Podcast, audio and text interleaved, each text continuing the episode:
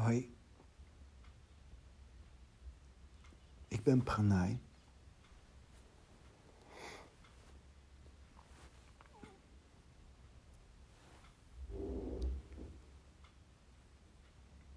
Wij als mensen hebben een vrije wil.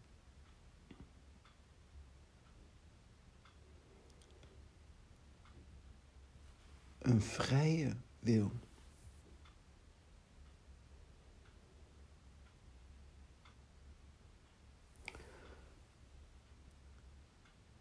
En het is iets wat je zou moeten beseffen.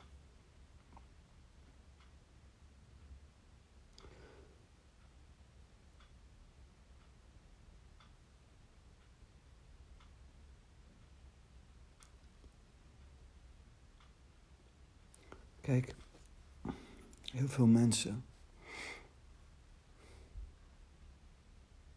hebben iets in, in, hun, in zichzelf dat ze het idee hebben dat ze het recht hebben om verzorgd te worden.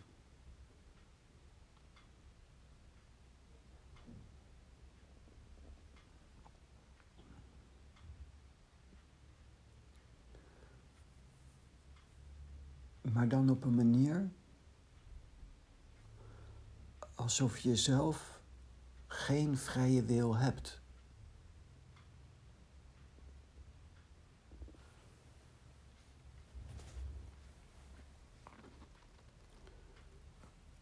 Maar het is heel essentieel om te weten dat je een vrije wil hebt. En dat daarmee, met het hebben van die vrije wil, het allemaal afhangt van jou. Op een bepaald niveau hangt het 100% af van jou, van jezelf.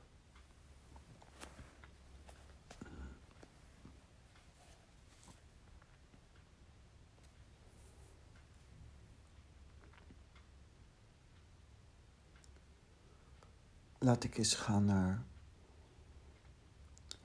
God.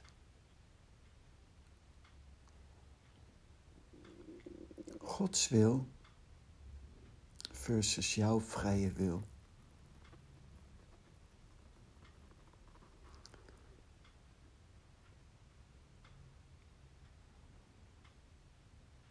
We zitten hier op deze aarde, deze wereld. Veel mensen godveren. En als het niet goed loopt, zijn we boos. Kunnen we boos zijn.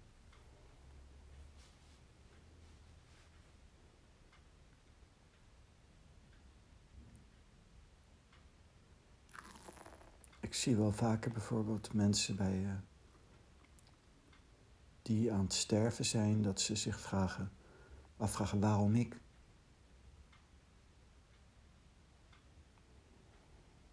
Dat is eigenlijk heel raar. Waarom ik? Met het idee dat er dus een God boven is die bepaalt waarom ik.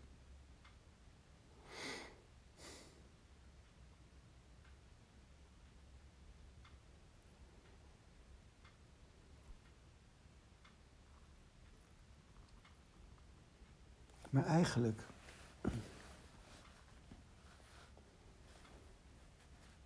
zitten we in een wereld die gemaakt is zoals wij hem maken. God heeft deze wereld dan weliswaar gemaakt. En houdt hem ook in stand Zeker. Maar de invulling, hoe het hier precies is, bepalen wij. Als wij zelf massaal menslievend zijn, is er dus minder geweld. Er is niet zoveel geweld door God. Er is geweld door ons.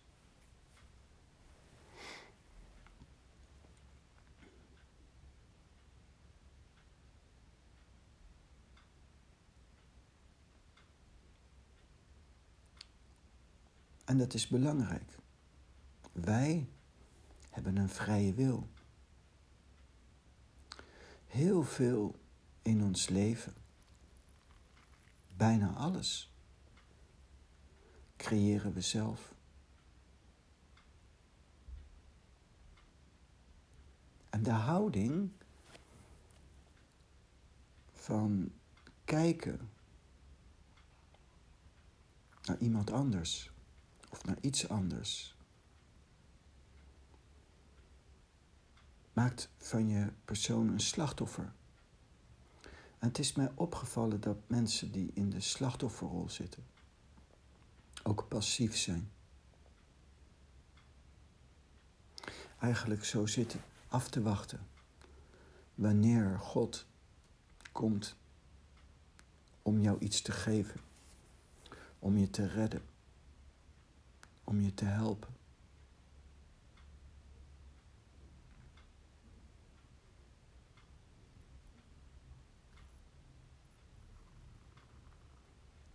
Bijvoorbeeld de komende ramp, het tekort aan antibioticum,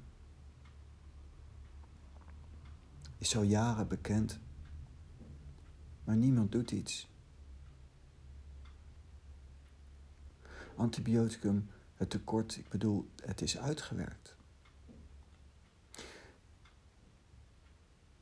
En we moeten iets anders doen, anders is een ontsteking straks, een dodelijke ziekte.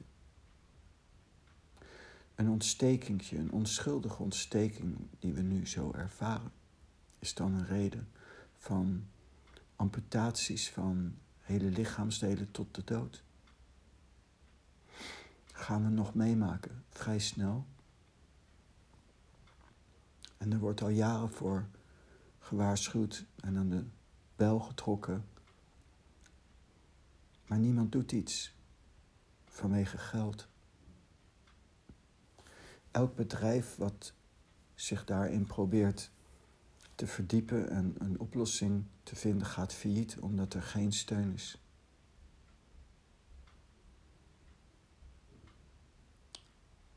Over een tijdje gaat dat de wereld domineren. En dan gaan mensen zeggen van Weer een ramp. En dan wijzen ze naar God. Maar het is niet God. Wij zijn het. En dan heb je mensen die bijvoorbeeld in zo'n situatie gaan schelden, worden boos, Ga evenementen organiseren om aan te tonen dat het niet klopt. Wat een onzin. Het enige wat er dan gebeurt is dat je in een wereld vol met roering nog meer roering zelf veroorzaakt. Meer roering, geen rendement.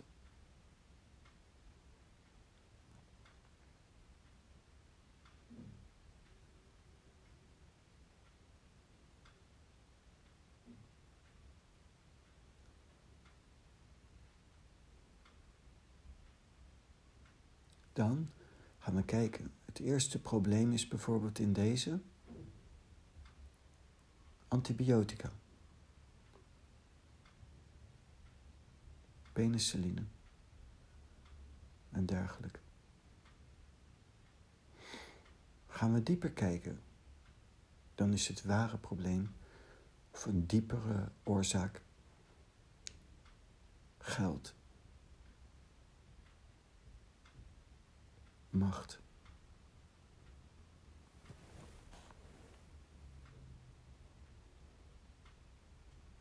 En dan zou je willen vechten misschien tegen het geld. Maar dat kan niet. Je vecht niet tegen geld. Vroeger dacht ik,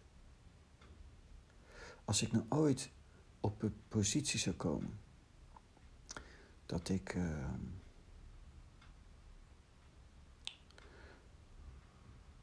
in staat ben om grote organisaties die schandalig omgaan met geld, bijvoorbeeld de overheid, de maffia, dan zou ik hun poten breken. Uh, maar nu begrijp ik al lang dat als ik ooit op zo'n positie kom, dat ik heel hard moet gaan rennen. Want je dacht toch niet dat de macht zo'n snotneus als ik toe zou staan hun hele leven te vernietigen.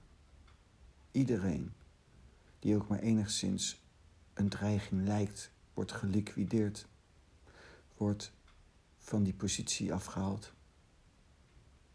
Zo snel en zo grof als het maar kan, dat interesseert niemand.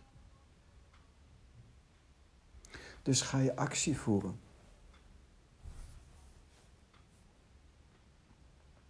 En blijf je klein, maakt het ze niet uit. Maar ga je echt iets voor elkaar kunnen krijgen, pikken ze niet.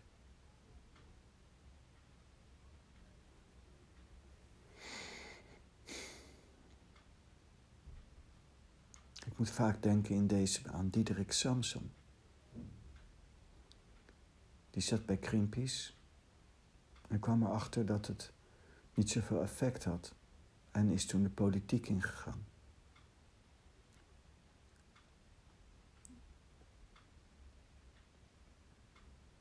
Ik vind hem zelf een intelligente man.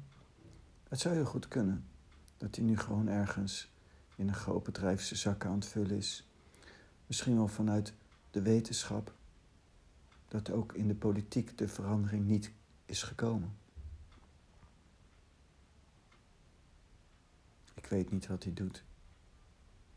Op dit moment. Maar hij heeft iets, vind ik.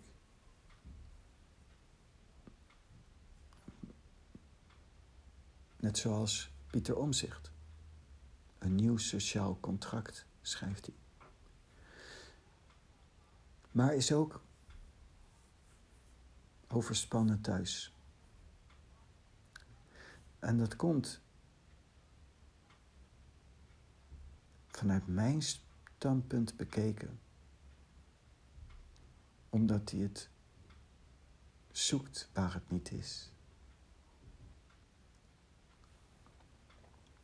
Waar dan? Waar dan wel?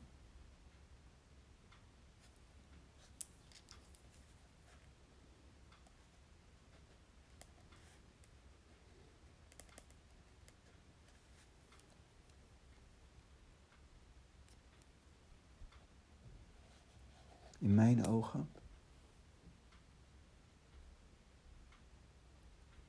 Als geld zo belangrijk is, kunnen wij iets doen. Als we van een eenverdienersmaatschappij naar een drieverdienersmaatschappij onder andere zijn gegaan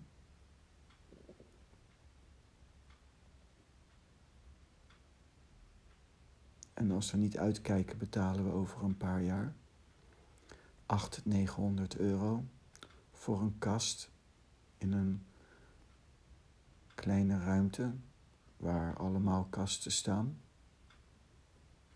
Maar dan woon je, want als je niet woont, heb je geen bankpas, heb je geen verzekering, heb je eigenlijk helemaal niets. Dus je moet wonen. verplichte overheid. Alleen ze geven niet de woningen. En dus, zoals in Japan, heb je taferelen dat mensen honderden euro's per maand betalen voor een kast in een ruimte. Dat is heel extreem, maar ook realiteit. En dus we moeten naar minimalisme. De weg is volmaakt. Wij moeten naar minimalisme. Als we massaal niet de mensen eren die veel geld hebben, niet opkijken naar mensen die geld hebben, niet geïnteresseerd zijn in producten die exclusief zijn.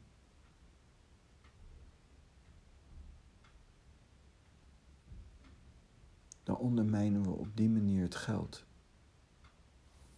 Ook op lange termijn zul je zien met zo'n strategie dat het een soort communistisch principe is. De basis lijkt iedereen heeft net zoveel. In de praktijk is een communisme eigenlijk, we zijn allemaal straatarm. Dat komt omdat de mensen die de macht houden, gewoon macht willen houden. En het licht niet gunt in iemands anders ogen. Die is interessant. Het licht niet gunnen in andermans ogen.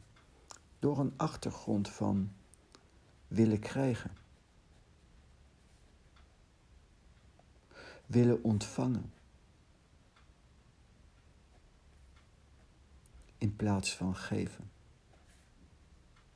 En gunnen.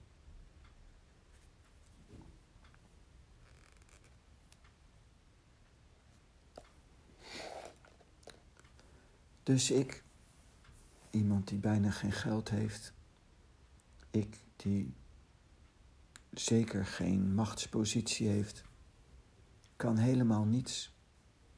Bijvoorbeeld in de zaak van het, de, de antibiotica.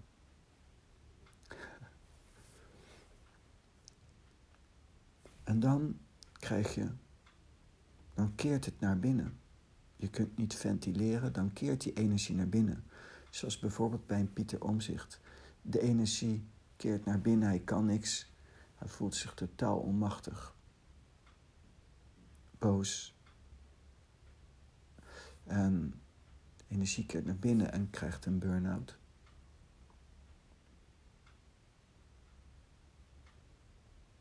En dan gaan we schelden. Ik weet niet of hij scheldt, maar de mensen gaan in zo'n patroon schelden wijzen naar anderen, kijken naar anderen. Maar wat je dan eigenlijk doet is, je ontneemt de ander zijn vrije wil. En omdat iemand een vrije wil heeft, kun je niet vechten.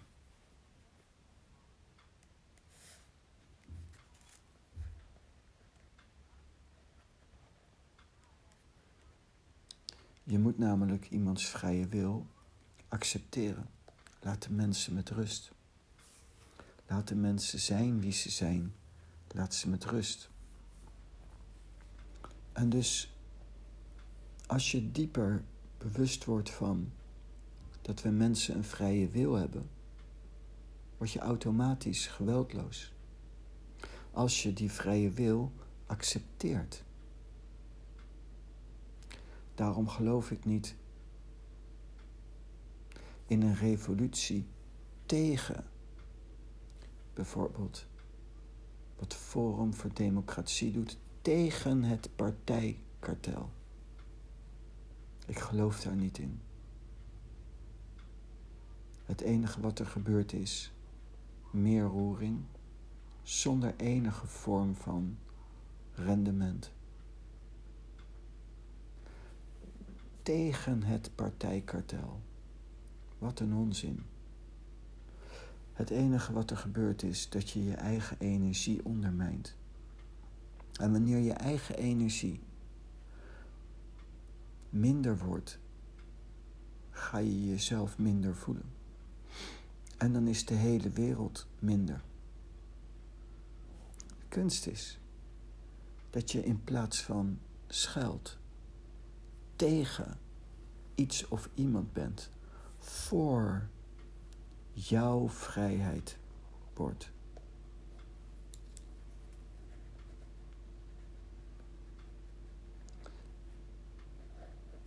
Jouw vrijheid. En dat je danst. Leeft.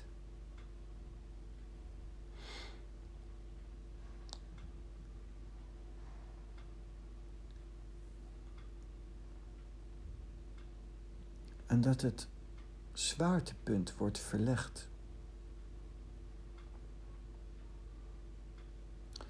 Van materie, consumeren, de consumenten. Wij consumeren naar innerlijk geluk. Innerlijk geluk. En dat innerlijk geluk hangt niet af van het uiterlijk, maar is op een andere manier ook afhankelijk van het uiterlijk. Want als ik, ik mediteer al heel lang, ben heel mijn leven bezig met God.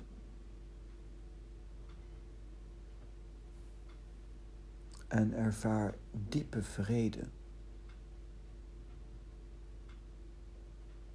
Een gemeenschap met God. En iets sterker als ik alleen ben en in stilte. En als ik dat alleen zijn en die stilte niet krijg, of mezelf geef, en in plaats van meditatief wandelen, rustig zijn, zit ik in een roering, iemand die constant denkt en vragen stelt? Of nog erger, fit, moeilijk doet, kan ik niet genieten van mijn innerlijke rust. En word ik minder blij. Dus het uiterlijk. Daar zit het geluk niet in de zin. Als je met uiterlijk bedoelt, je wordt gelukkig als je een auto hebt. Je wordt gelukkig als je een groot huis hebt. Je wordt gelukkig als je geld hebt. nee.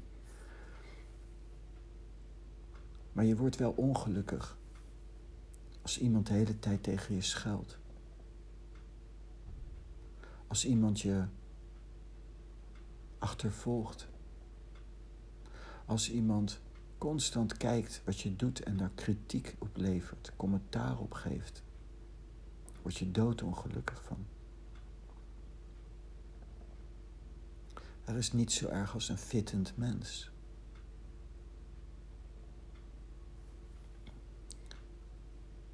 Die constant als een stoorzender de rust ondermijnt, de stilte weghaalt, de kwaliteit van het leven vermindert.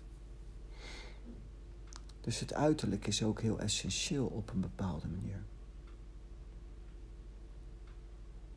En als wij massaal dat ontdekken, gaan we in plaats van willen krijgen, ontvangen, boos zijn als we iets tekort komen, gaan we geven en mensen dingen gunnen. Door de vrije wil, door bewust te zijn van de vrije wil van de mensen, gaan we niet alleen maar bidden naar boven, naar God God, kom, help.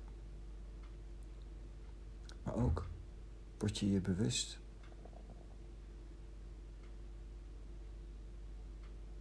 Dat jouw leven ertoe doet en dat jouw leven verandering kan brengen Jezus zei, er is zo veel loon te verdienen, maar er zijn zo weinig arbeiders. Je zou een arbeider kunnen zijn voor dat loon van God, van de diepe vrede. En dat kunnen delen.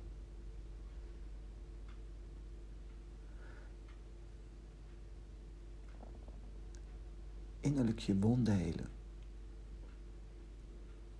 Een contact zoeken met het goddelijke. En dat delen. Niet opdringerig. Want mensen hebben een vrije wil. Niet mensen willen veranderen. Want het is zo gewelddadig. Maar door te delen.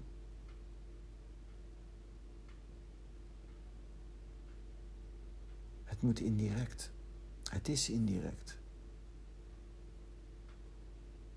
En als je echt iets hebt in jezelf, wat de meeste mensen niet hebben, dan raken vanzelf mensen geïnteresseerd. Heb ik zelf ook gezien. En zie ik. En ook naar God.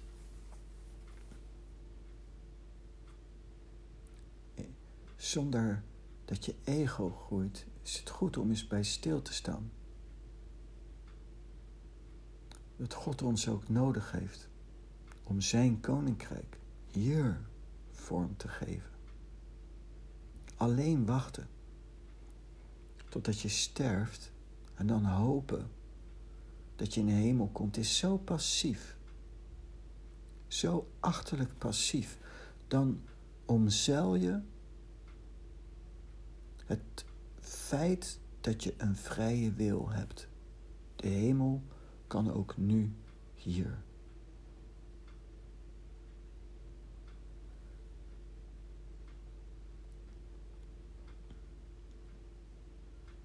En we zijn afhankelijk daarvan, van elkaar.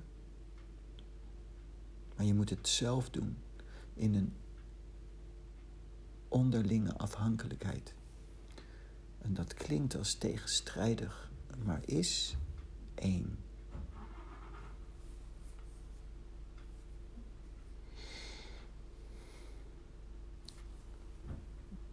God is een mogelijkheid.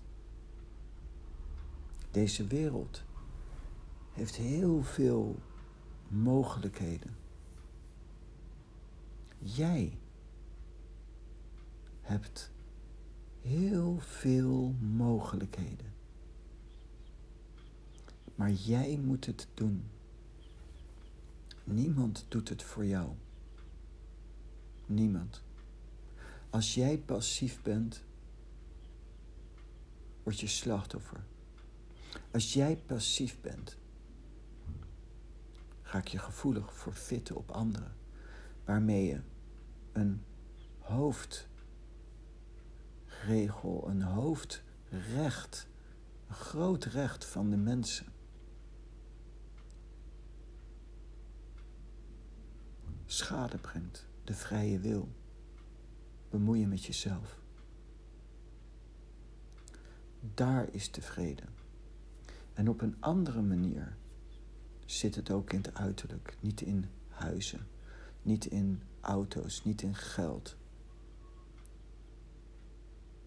niet in macht. Maar wel in een schone wereld. In een wereld waar we respect hebben voor elkaar. In een wereld waar we gericht zijn op innerlijk geluk.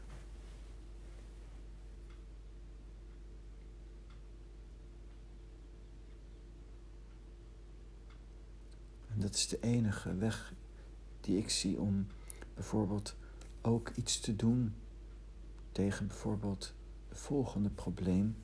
Een van de volgende problemen, antibiotica. Die resistent wordt.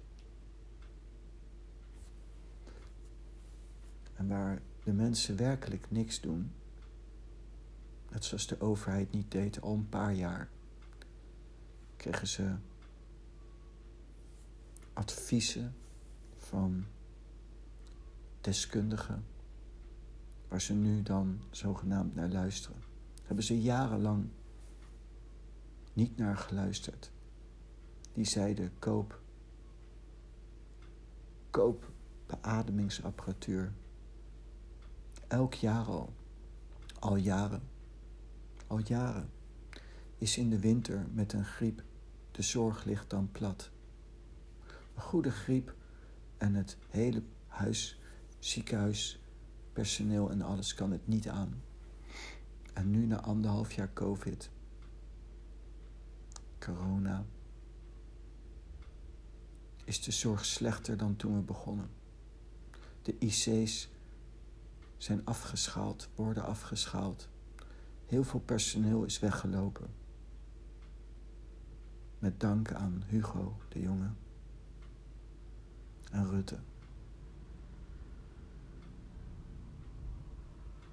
In mijn ogen knettergek, misdadig.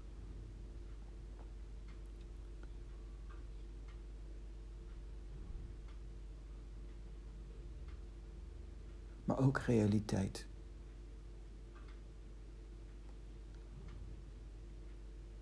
Voor mij, in, als iemand langer dan twee seconden nadenkt, kan het niet zo zijn dat je niet veel meer had gedaan dan de zorg. We zouden eigenlijk eens moeten op zoek gaan naar iemand, een minister of zo van volksgezondheid. Iemand die voor de volksgezondheid is. Hugo de Jonge is dat niet. Die is niet voor de volksgezondheid. Iedereen die iets meer dan één hersencel heeft, zou de zorg opschalen, zou helpen. Niet een applausje. Het applausje van Mark hebben ze geen reet aan hebben wij niks aan. En er zijn veel mensen met kanker die eigenlijk niet goed onderzocht werden, niet goed bekeken werden, zoals bijvoorbeeld mijn vader. En die kon dus kanker krijgen, volgens Rutte en de jongen. Dat is niet God, dat zijn wij.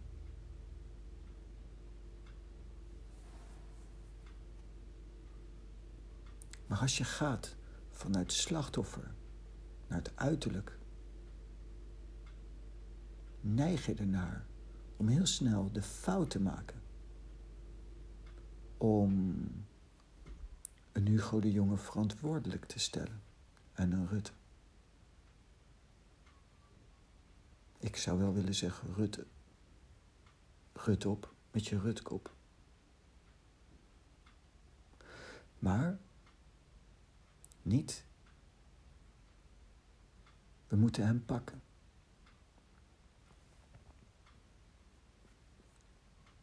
We moeten hem niet pakken. Wij moeten door ons eigen voorbeeld, al is het maar één iemand in je omgeving, bewust maken dat er buiten geld en macht, dat er ook innerlijk geluk is. Ons leven is Gods boodschap. En op een bepaald niveau is God afhankelijk van ons. Want als er veel arbeiders zijn, doet dat recht aan God. En als je een darmisch leven leidt, doet dat recht aan God. Nu is er zo weinig darmisch leven in de wereld te zien dat heel veel mensen niet geloven dat God bestaat. En dat is het probleem. In mijn ogen zegt Hugo de Jonge wel: ik ben gelovig, christen, democraat. Maar in wezenlijkheid is die God juist kwijt. Daar moet hij niet voor gestraft worden. Ik geloof werkelijk dat zover zijn verstand reikt, zijn inzicht gaat. Dat hij min of meer oprecht is. Dat hij fout is. Hij heeft een reden waarom hij de zorg verminkt. Maar niet wezenlijk fout. Mij motiveren al die dingen, motiveren al die dingen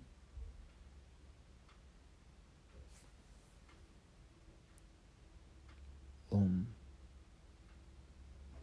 een revolutie te starten. Een geweldloze revolutie. Niet tegen iemand, maar voor het licht. Voor de innerlijke vrede. En ik wil niet strijden tegen het partijkartel. Ik ga niet strijden tegen Hugo de Jonge. Ik ben voor Hugo de Jonge. Ik ben voor het partijkartel. Ik ben er ook voor dat ze ontdekken dat er meer is dan geld, economie, macht. Maar ook de mensen. En ook daardoor, als ik echte verandering wil, ik.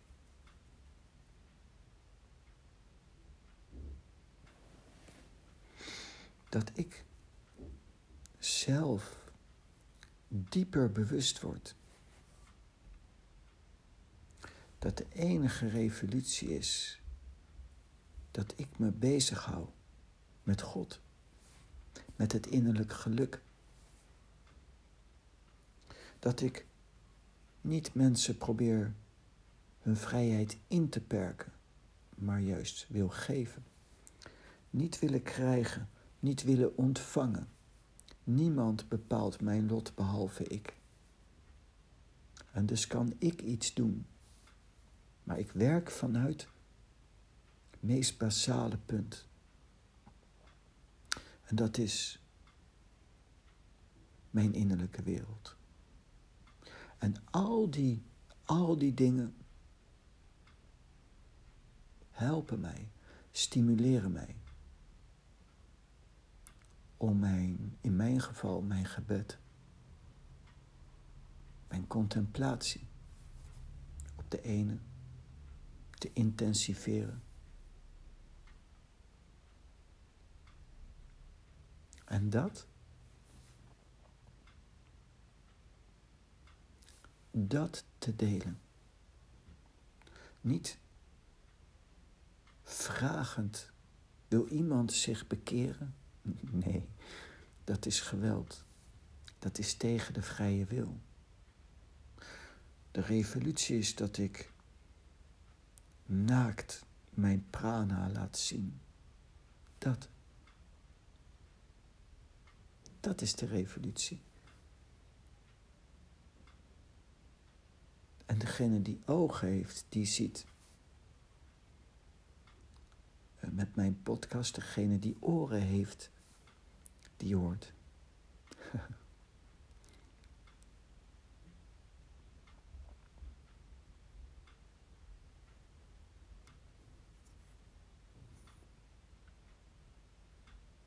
Liefde is God. Leef in liefde.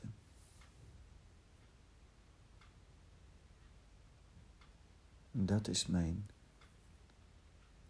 revolutie.